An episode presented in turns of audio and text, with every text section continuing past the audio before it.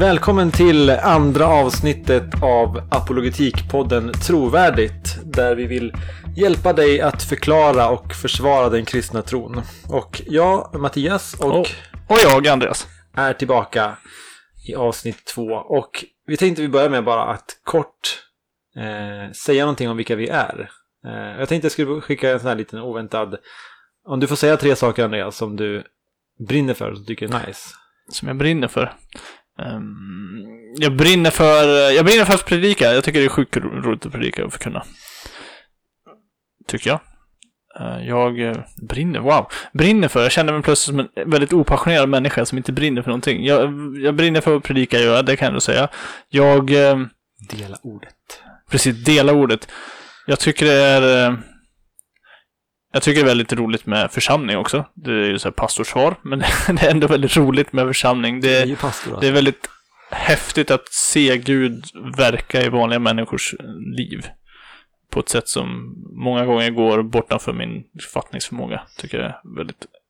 Ja, det är stort för mig, för mig om det. Och... Eh, sen gillar jag att läsa. Jag borde läsa mer. Eller borde, så här, jag borde läsa mer hela böcker. Inte bara börja läsa böcker, jag borde läsa slut på böckerna också. Jag såg en sån här äh, skämtgrej på Facebook som var typ hur någons man till slut dog. Och då var det att böckerna vid sidan av sängen hade ramlat över liksom.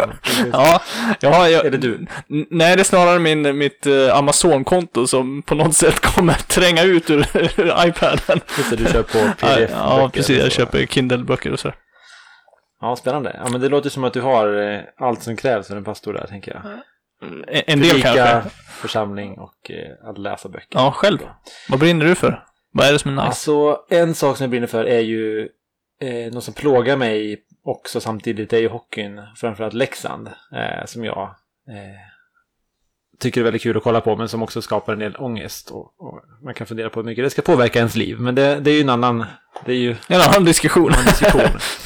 eh, jag tycker att det är väldigt, väldigt kul med beachvolleyboll. Eh, Du har ju faktiskt spelat med mig och jag är rädd att jag är ju en besvikelse vad det gäller spelport. du är mycket duktigare än vad jag är. Jag har lagt ner lite tid på det, så Ja, jag så kanske är har tränat. Och eh, även fast jag är, det finns folk som är väldigt mycket bättre så har jag, tycker att det är väldigt roligt i alla fall. Eh, och sen tycker jag att det är väldigt kul med apologetik och jag tycker att det är jättekul att få göra den här podden. Eh, så, att, eh, så det är jag tacksam för. Jag, jag skulle ju lagt till innebandy också om det hade varit en topp fyra, men eh, nu är det inte det. Nu var det topp tre. Ja. Så innebandy kommer inte med. Ja, men eh, då kanske ni känner oss lite bättre. Eh, så, får vi dyka på själva avsnittet, tänker jag. ja men absolut. Och Vad- vi ska fortsätta prata om apologetik idag, eh, såklart. Vi förra avsnittet så pratade vi om vad det är för någonting och hur det kan se ut och vilket uttryck det får.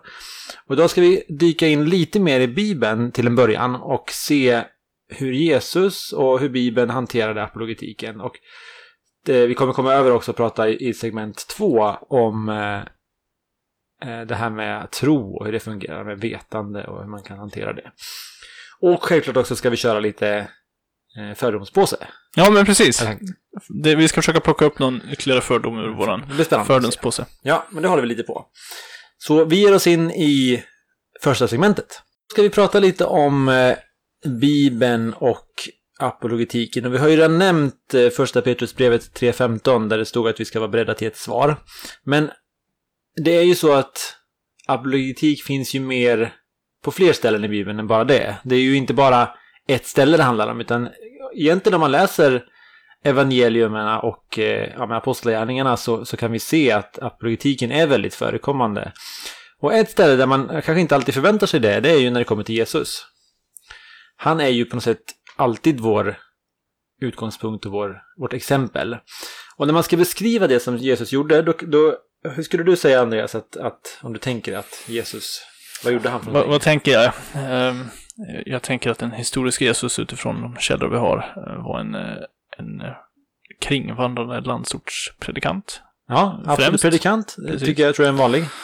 Som förkunnade Guds rike, förkunnade att Guds rike var nära. Mm, och där har vi ju att han förkunnar i, i kyrkorna eller synagogorna, förkunnade bergspredikan, han har ju många sådana kända... Han, han kallar människor till omvändelse. I ljuset av att Guds rike är nära så kallar människor till omvändelse och, och beskriver för dem hur ett sånt liv ser ut när man blir en del av Guds rike. Ja. Man kan säga att han också eh, var mirakelman. Han, han botade sjuka, Absolut. han, eh, han helade sjuka. Nu, nu hamnar jag i någon slags bibelteologi-träsk här, men det kan man också koppla till Guds rike. Förutom att förkunna Guds rike så demonstrerar han Guds rike. Han demonstrerar rikets verklighet. Så här ser det ut när Guds vilja får ske liksom. Just det. Och han var också, kan man säga, kärleken inkarnerad. Han, han är Gud, Gud inkarnerad. Han visar omsorg för människor. Han, han brydde sig om människor utanför samhället. Och...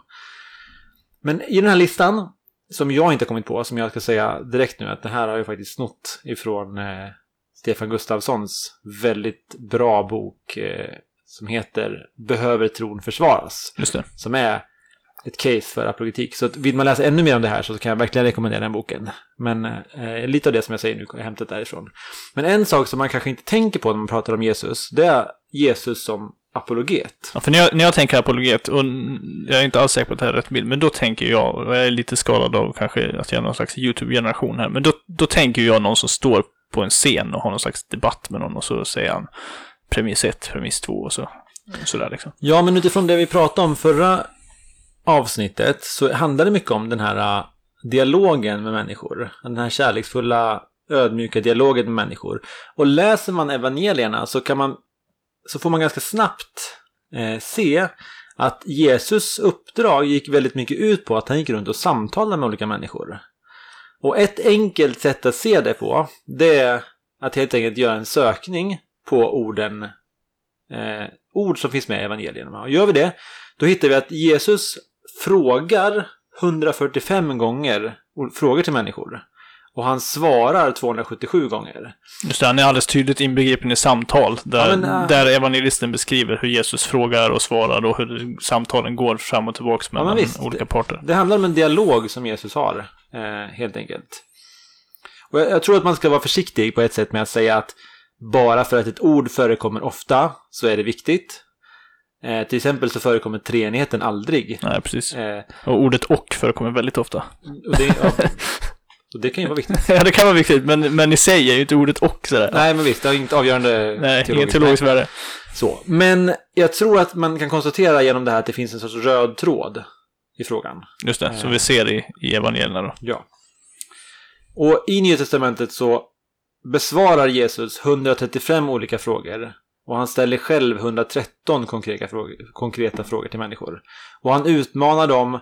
Eh, och jag tror att det här är någonting man ofta kan missa. Att Jesus är faktiskt en apologet på det sättet att han, att han liksom uppmanar människor till att tänka själv. Så att, när vi pratade om det här förra gången, med, med, och det vi kommer komma in på lite med blind tro och hur vi ska hantera det, så är Jesus, han uppmanar människor att tänka själv och utvärdera det som han säger. Bara några exempel. Eh, han säger vad tror ni? I Matteus eh, 18.12. Vidare säger han på andra ställen vad anser ni om detta? Eh, han säger också har också ni svårt att fatta? Eh, varför, avgör inte, var- varför avgör ni inte själva vad som är rätt?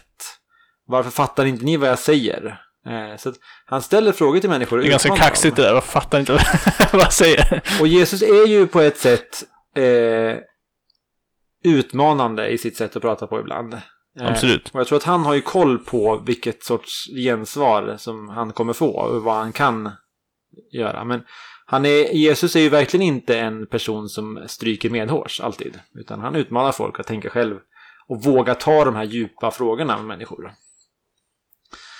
Eh, och en intressant eh, aspekt är bara det att eh, när Jesus får den här frågan om vad är det största budet eh, i den kristna tron? Vad är det, liksom, vad är det vi ska göra? Eh, det största budet. Då svarar han genom att, att eh, kombinera två stycken gammaltestamentliga texter från femte Mosebok eh, 6 och tredje Mosebok 19. Eh, och då frågar de så här, eh, vad är det största budet? Vilket är det främsta budet till Jesus? Och då svarar han så här, det främsta är detta, hör Israel, Herren eh, vår Gud, Herren är en. Ett klassiskt... Eh, mm. Det är ju själva, han, han lyfter ju fram kärnan i judisk eh, tro liksom. Ja, det. det. här, Gud är en liksom. Och, och det, det är han vi har en relation genom förbundet med liksom. och, och, och vårt respons till det, det är att du ska älska Herren, din Gud, av hela ditt hjärta, av hela din själ, av hela ditt förstånd och av hela din kraft. Och sen kommer detta, du ska älska din nästa så som dig själv. Inget annat bud är större än dessa. Men det som är intressant är att om man läser femte Mosebok 6 och 5 så kan man se att Jesus citerar inte rakt av här. Utan, för där står det så här. Älska Gud med hela ditt hjärta, hela din själ och av all kraft. Så förståndet finns inte med i den gamla testamentliga texten. Men när Jesus ska citera det här, han ändrar inte. Jag, jag tänker att hjärtat, det inkluderar också eh, all, hela människan, även förståndet. Men Jesus förtydligar här, glöm inte förståndet när det kommer till din tro. Så att Jesus är noga med att förståndet, att tänka själv, det är en viktig del i Bibeln. Eller i vår tro. Och när man läser vidare om det här så får vi följa de som kommer efter Jesus. Där är Paulus en jätteviktig figur. Eh, och han är ju väldigt noga med att, att, att fortsätta den traditionen som Jesus stryker under med. Att använda resonemang till att sprida budskapet om Jesus. Jag vet inte om du kanske kommer in på det, men när det gäller Paulus så slås jag av hur det finns beskrivningar av honom, eh, hur han eh, liksom utifrån skrifterna så står bevisar att, att eh, Jesus är Messias och att han resonerar tillsammans med dem, alltså med, med, med judar eh, utifrån det som är deras auktoritet. Då. Det är ju Bibeln, det är såklart i vår tid, ateister har inte den auktoriteten, men det var en auktoritet för dem. Utifrån där har man någon slags gemensam utgångspunkt och så resonerar han och han försöker anlägga, han faktiskt försöker bevisa från texten, ja men Jesus uppfyller de här sakerna liksom. Ja, så att han, då argumenterade han för, för judar till exempel. Då använde han skrifterna och visade på hur de pekade mot att det är Jesus som är eh, den som vi har väntat på. Och, och för andra människor så använde han andra, till exempel när det kom till hedningarna som inte var judar, som inte hade skrifterna, så använde han istället skapelsen. Eller, så han anpassade sina argument också efter. Eh, så Jesus Paulus tar med den här traditionen. Och det är ganska intressant att läsa om hans liv. Eh, när det beskrivs i, i när Bibeln beskriver hans arbete i Thessalonike så står det så här, de tog vägen över Amfi, am, hur säger man det där? Eh, svårt ortsnamn, Amfipolis kanske. Amfipolis. Och Apollonia och kom till Thessalonike där judarna hade en synagoga.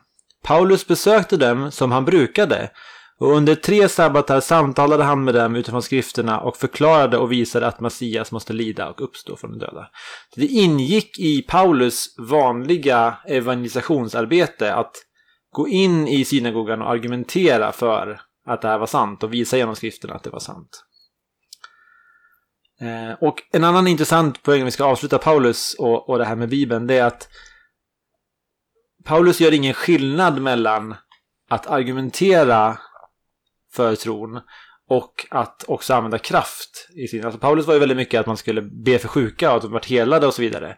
Men det här skedde eh, växelvis i Paulus eh, evangelisation. Han använde både sunt förnuft, argumentation och fick människor att tänka och argumentera. Men han använde också, eh, han bad för människor. Eh, och jag, jag, tänker att så kan vi också tänka när det kommer till apologetik, att vi kan både eh, använda kraften som, som vi har fått genom Gud, genom bön, vi kan be för sjuka, men vi kan också använda Eh, resonemanget och de här två hänger ihop.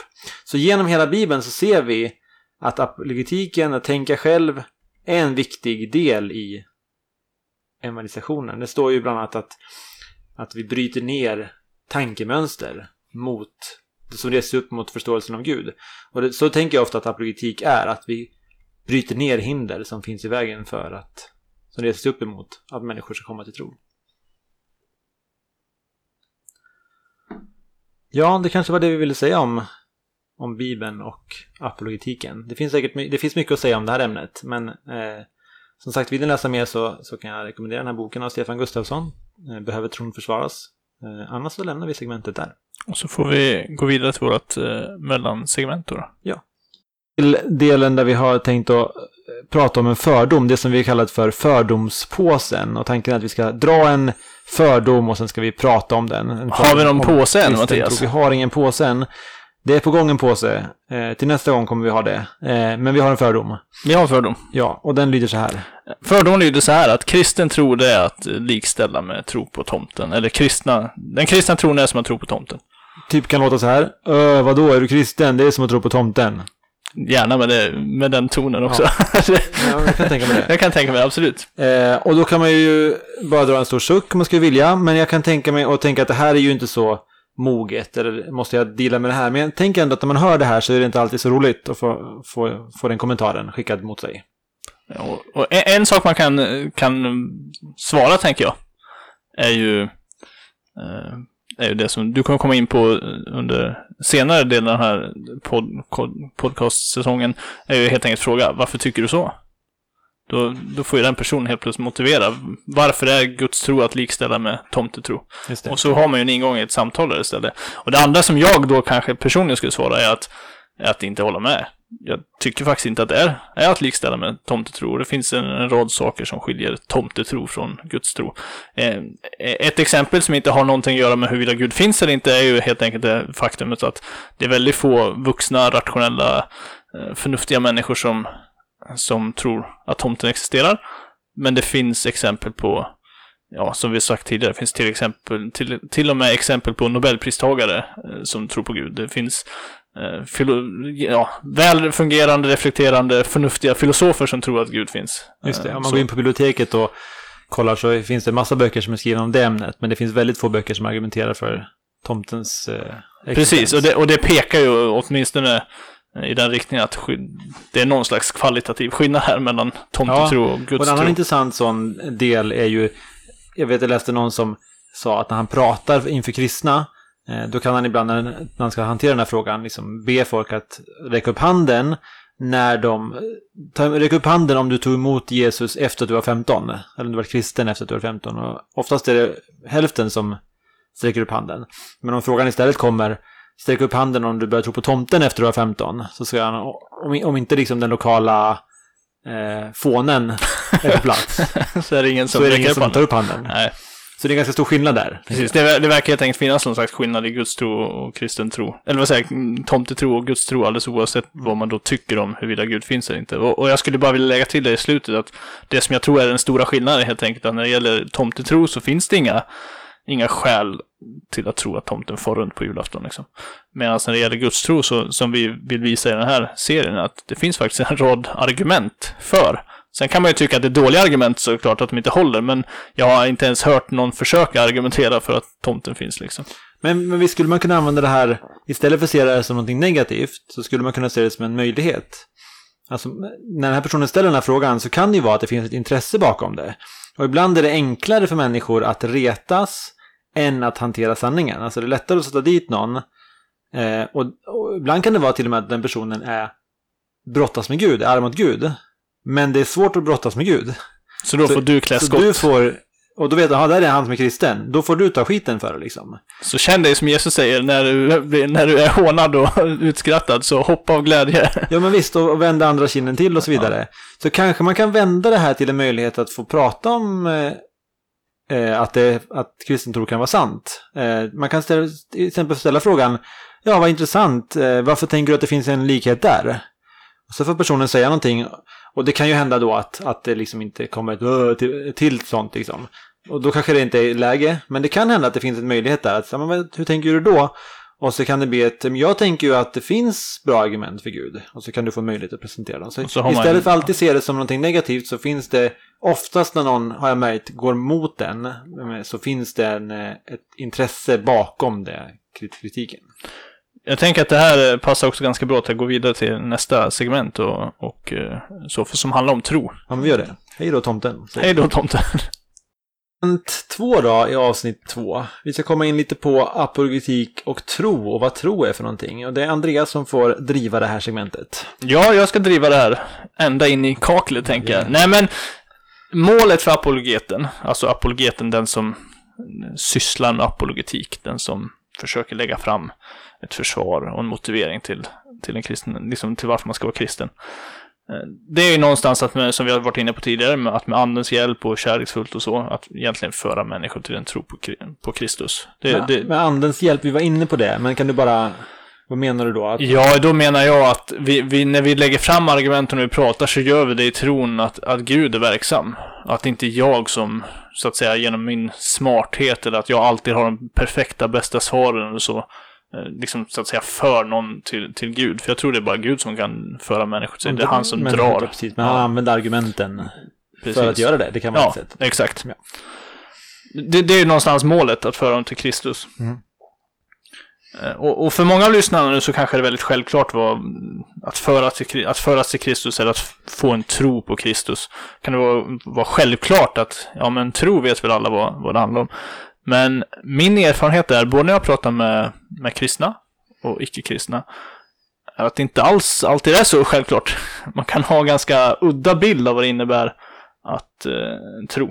Men nu ska du reda ut det här. Ja, vi får se då. Det är stort Spännande. anspråk, men ja. I- i- Ibland så har jag hört kristna som säger typ så här, det går inte att bevisa att Gud finns eller inte finns, men jag tror på Gud. Och det, det, den, det man anar mellan raderna är ungefär att, ja men jag hoppas att Gud finns, det är någon slags vag förhoppning. Och, och det kallar man tro liksom. Jag tror att Gud finns, så. Man kan inte veta fram och tillbaka. Nej, precis. Man kan inte veta, men man kan tro liksom. Och, och det finns massa man kan grotta i där, liksom. Att, vad är att veta och alla möjliga saker. Men vi ska inte fastna i de sakerna här nu. Utan jag ska bara lyfta fram en, en till exempel på, på hur, hur tro ibland kan beskrivas. Eh, Och det här är också bland kristna och ateister som kan... Ibland beskrivs tron som någonting som, eh, som, som står i motpol mot att ha skäl för, för en sak. Till exempel så hörde jag en debatt en gång mellan eh, Richard Dawkins och eh, John Lennox, eh, två brittiska herrar.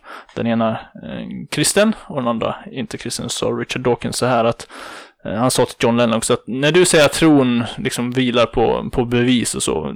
Om det vore så, då hade ju inte du behövt kalla det tro. Alltså i Richard Dawkins värld så är tro, det är det man tar till när man inte, så att säga, har några skäl längre. När, när, man, när man inte vet, utan då tror man liksom bara. Man, det, liksom de, de här definitionerna har jag mött ibland, att man har någon slags vag, vag, för, vag förhoppning, man hoppas att det är på ett speciellt sätt. Men det är väl så vi använder tro, tänker jag. Förlåt om jag flikar in här. Men alltså, när vi säger att jag tror att det regnar. Ja, Typ åt det hållet. Jag, jag vet inte riktigt, men jag... tror att det gör det. Ja. Eller så när kristna talar så drar det kanske ännu mer åt det här hopphållet. Jag hoppas ja, att det är så liksom. Jag har inte en aning, men jag, Men jag skulle hoppas. vilja. Och, precis, jag skulle vilja att det är så. Jag håller fast vid att det verkligen är så liksom. Och jag tror att ingen av de här definitionerna, eller inget av de där sätten att, det här vardagliga sättet att tala om tro är riktigt så som Bibeln talar om tro. I, i, Bibeln så eh, handlar tro om, om, om något annat. Ett- En eh, förtröstan eller en... Ja, men precis. I, I Nya Testamentet så används eh, framförallt ordet eh, pistis, eller verbet pistevo. Eh, att tro eller att tro. Och om man översätter det till svenska så är det liksom eh, trofasthet, övertygelse, eh, tillit, att vara trogen. Det ligger i samma ord. Det, finns, det är ett ganska mångbottnat ord på, på, på grekiska. Eh, och, och, och det som liksom på något vis, så som ordet ofta används är att man Därför att man litar och tror på någonting så överlåter man sig till att liksom man, i, i Nya Testamentets fall är det till Jesus liksom. Vi litar och tror på Jesus. Men, men det finns inbyggt i det här också att, att tron innehåller ett element av, av trosövertygelse om sakförhållanden. Alltså om hur saker är. Kunskap. Ja, men precis. Att, eh, att jag... Om vi tar Gud som exempel. För att kunna lita och tro på Gud så måste jag också någonstans tro att han finns. För det är väldigt svårt att... Jag måste ha övertygelse, jag måste ha trosföreställning att det existerar en Gud, för annars kan jag inte lita på den. Eh, så.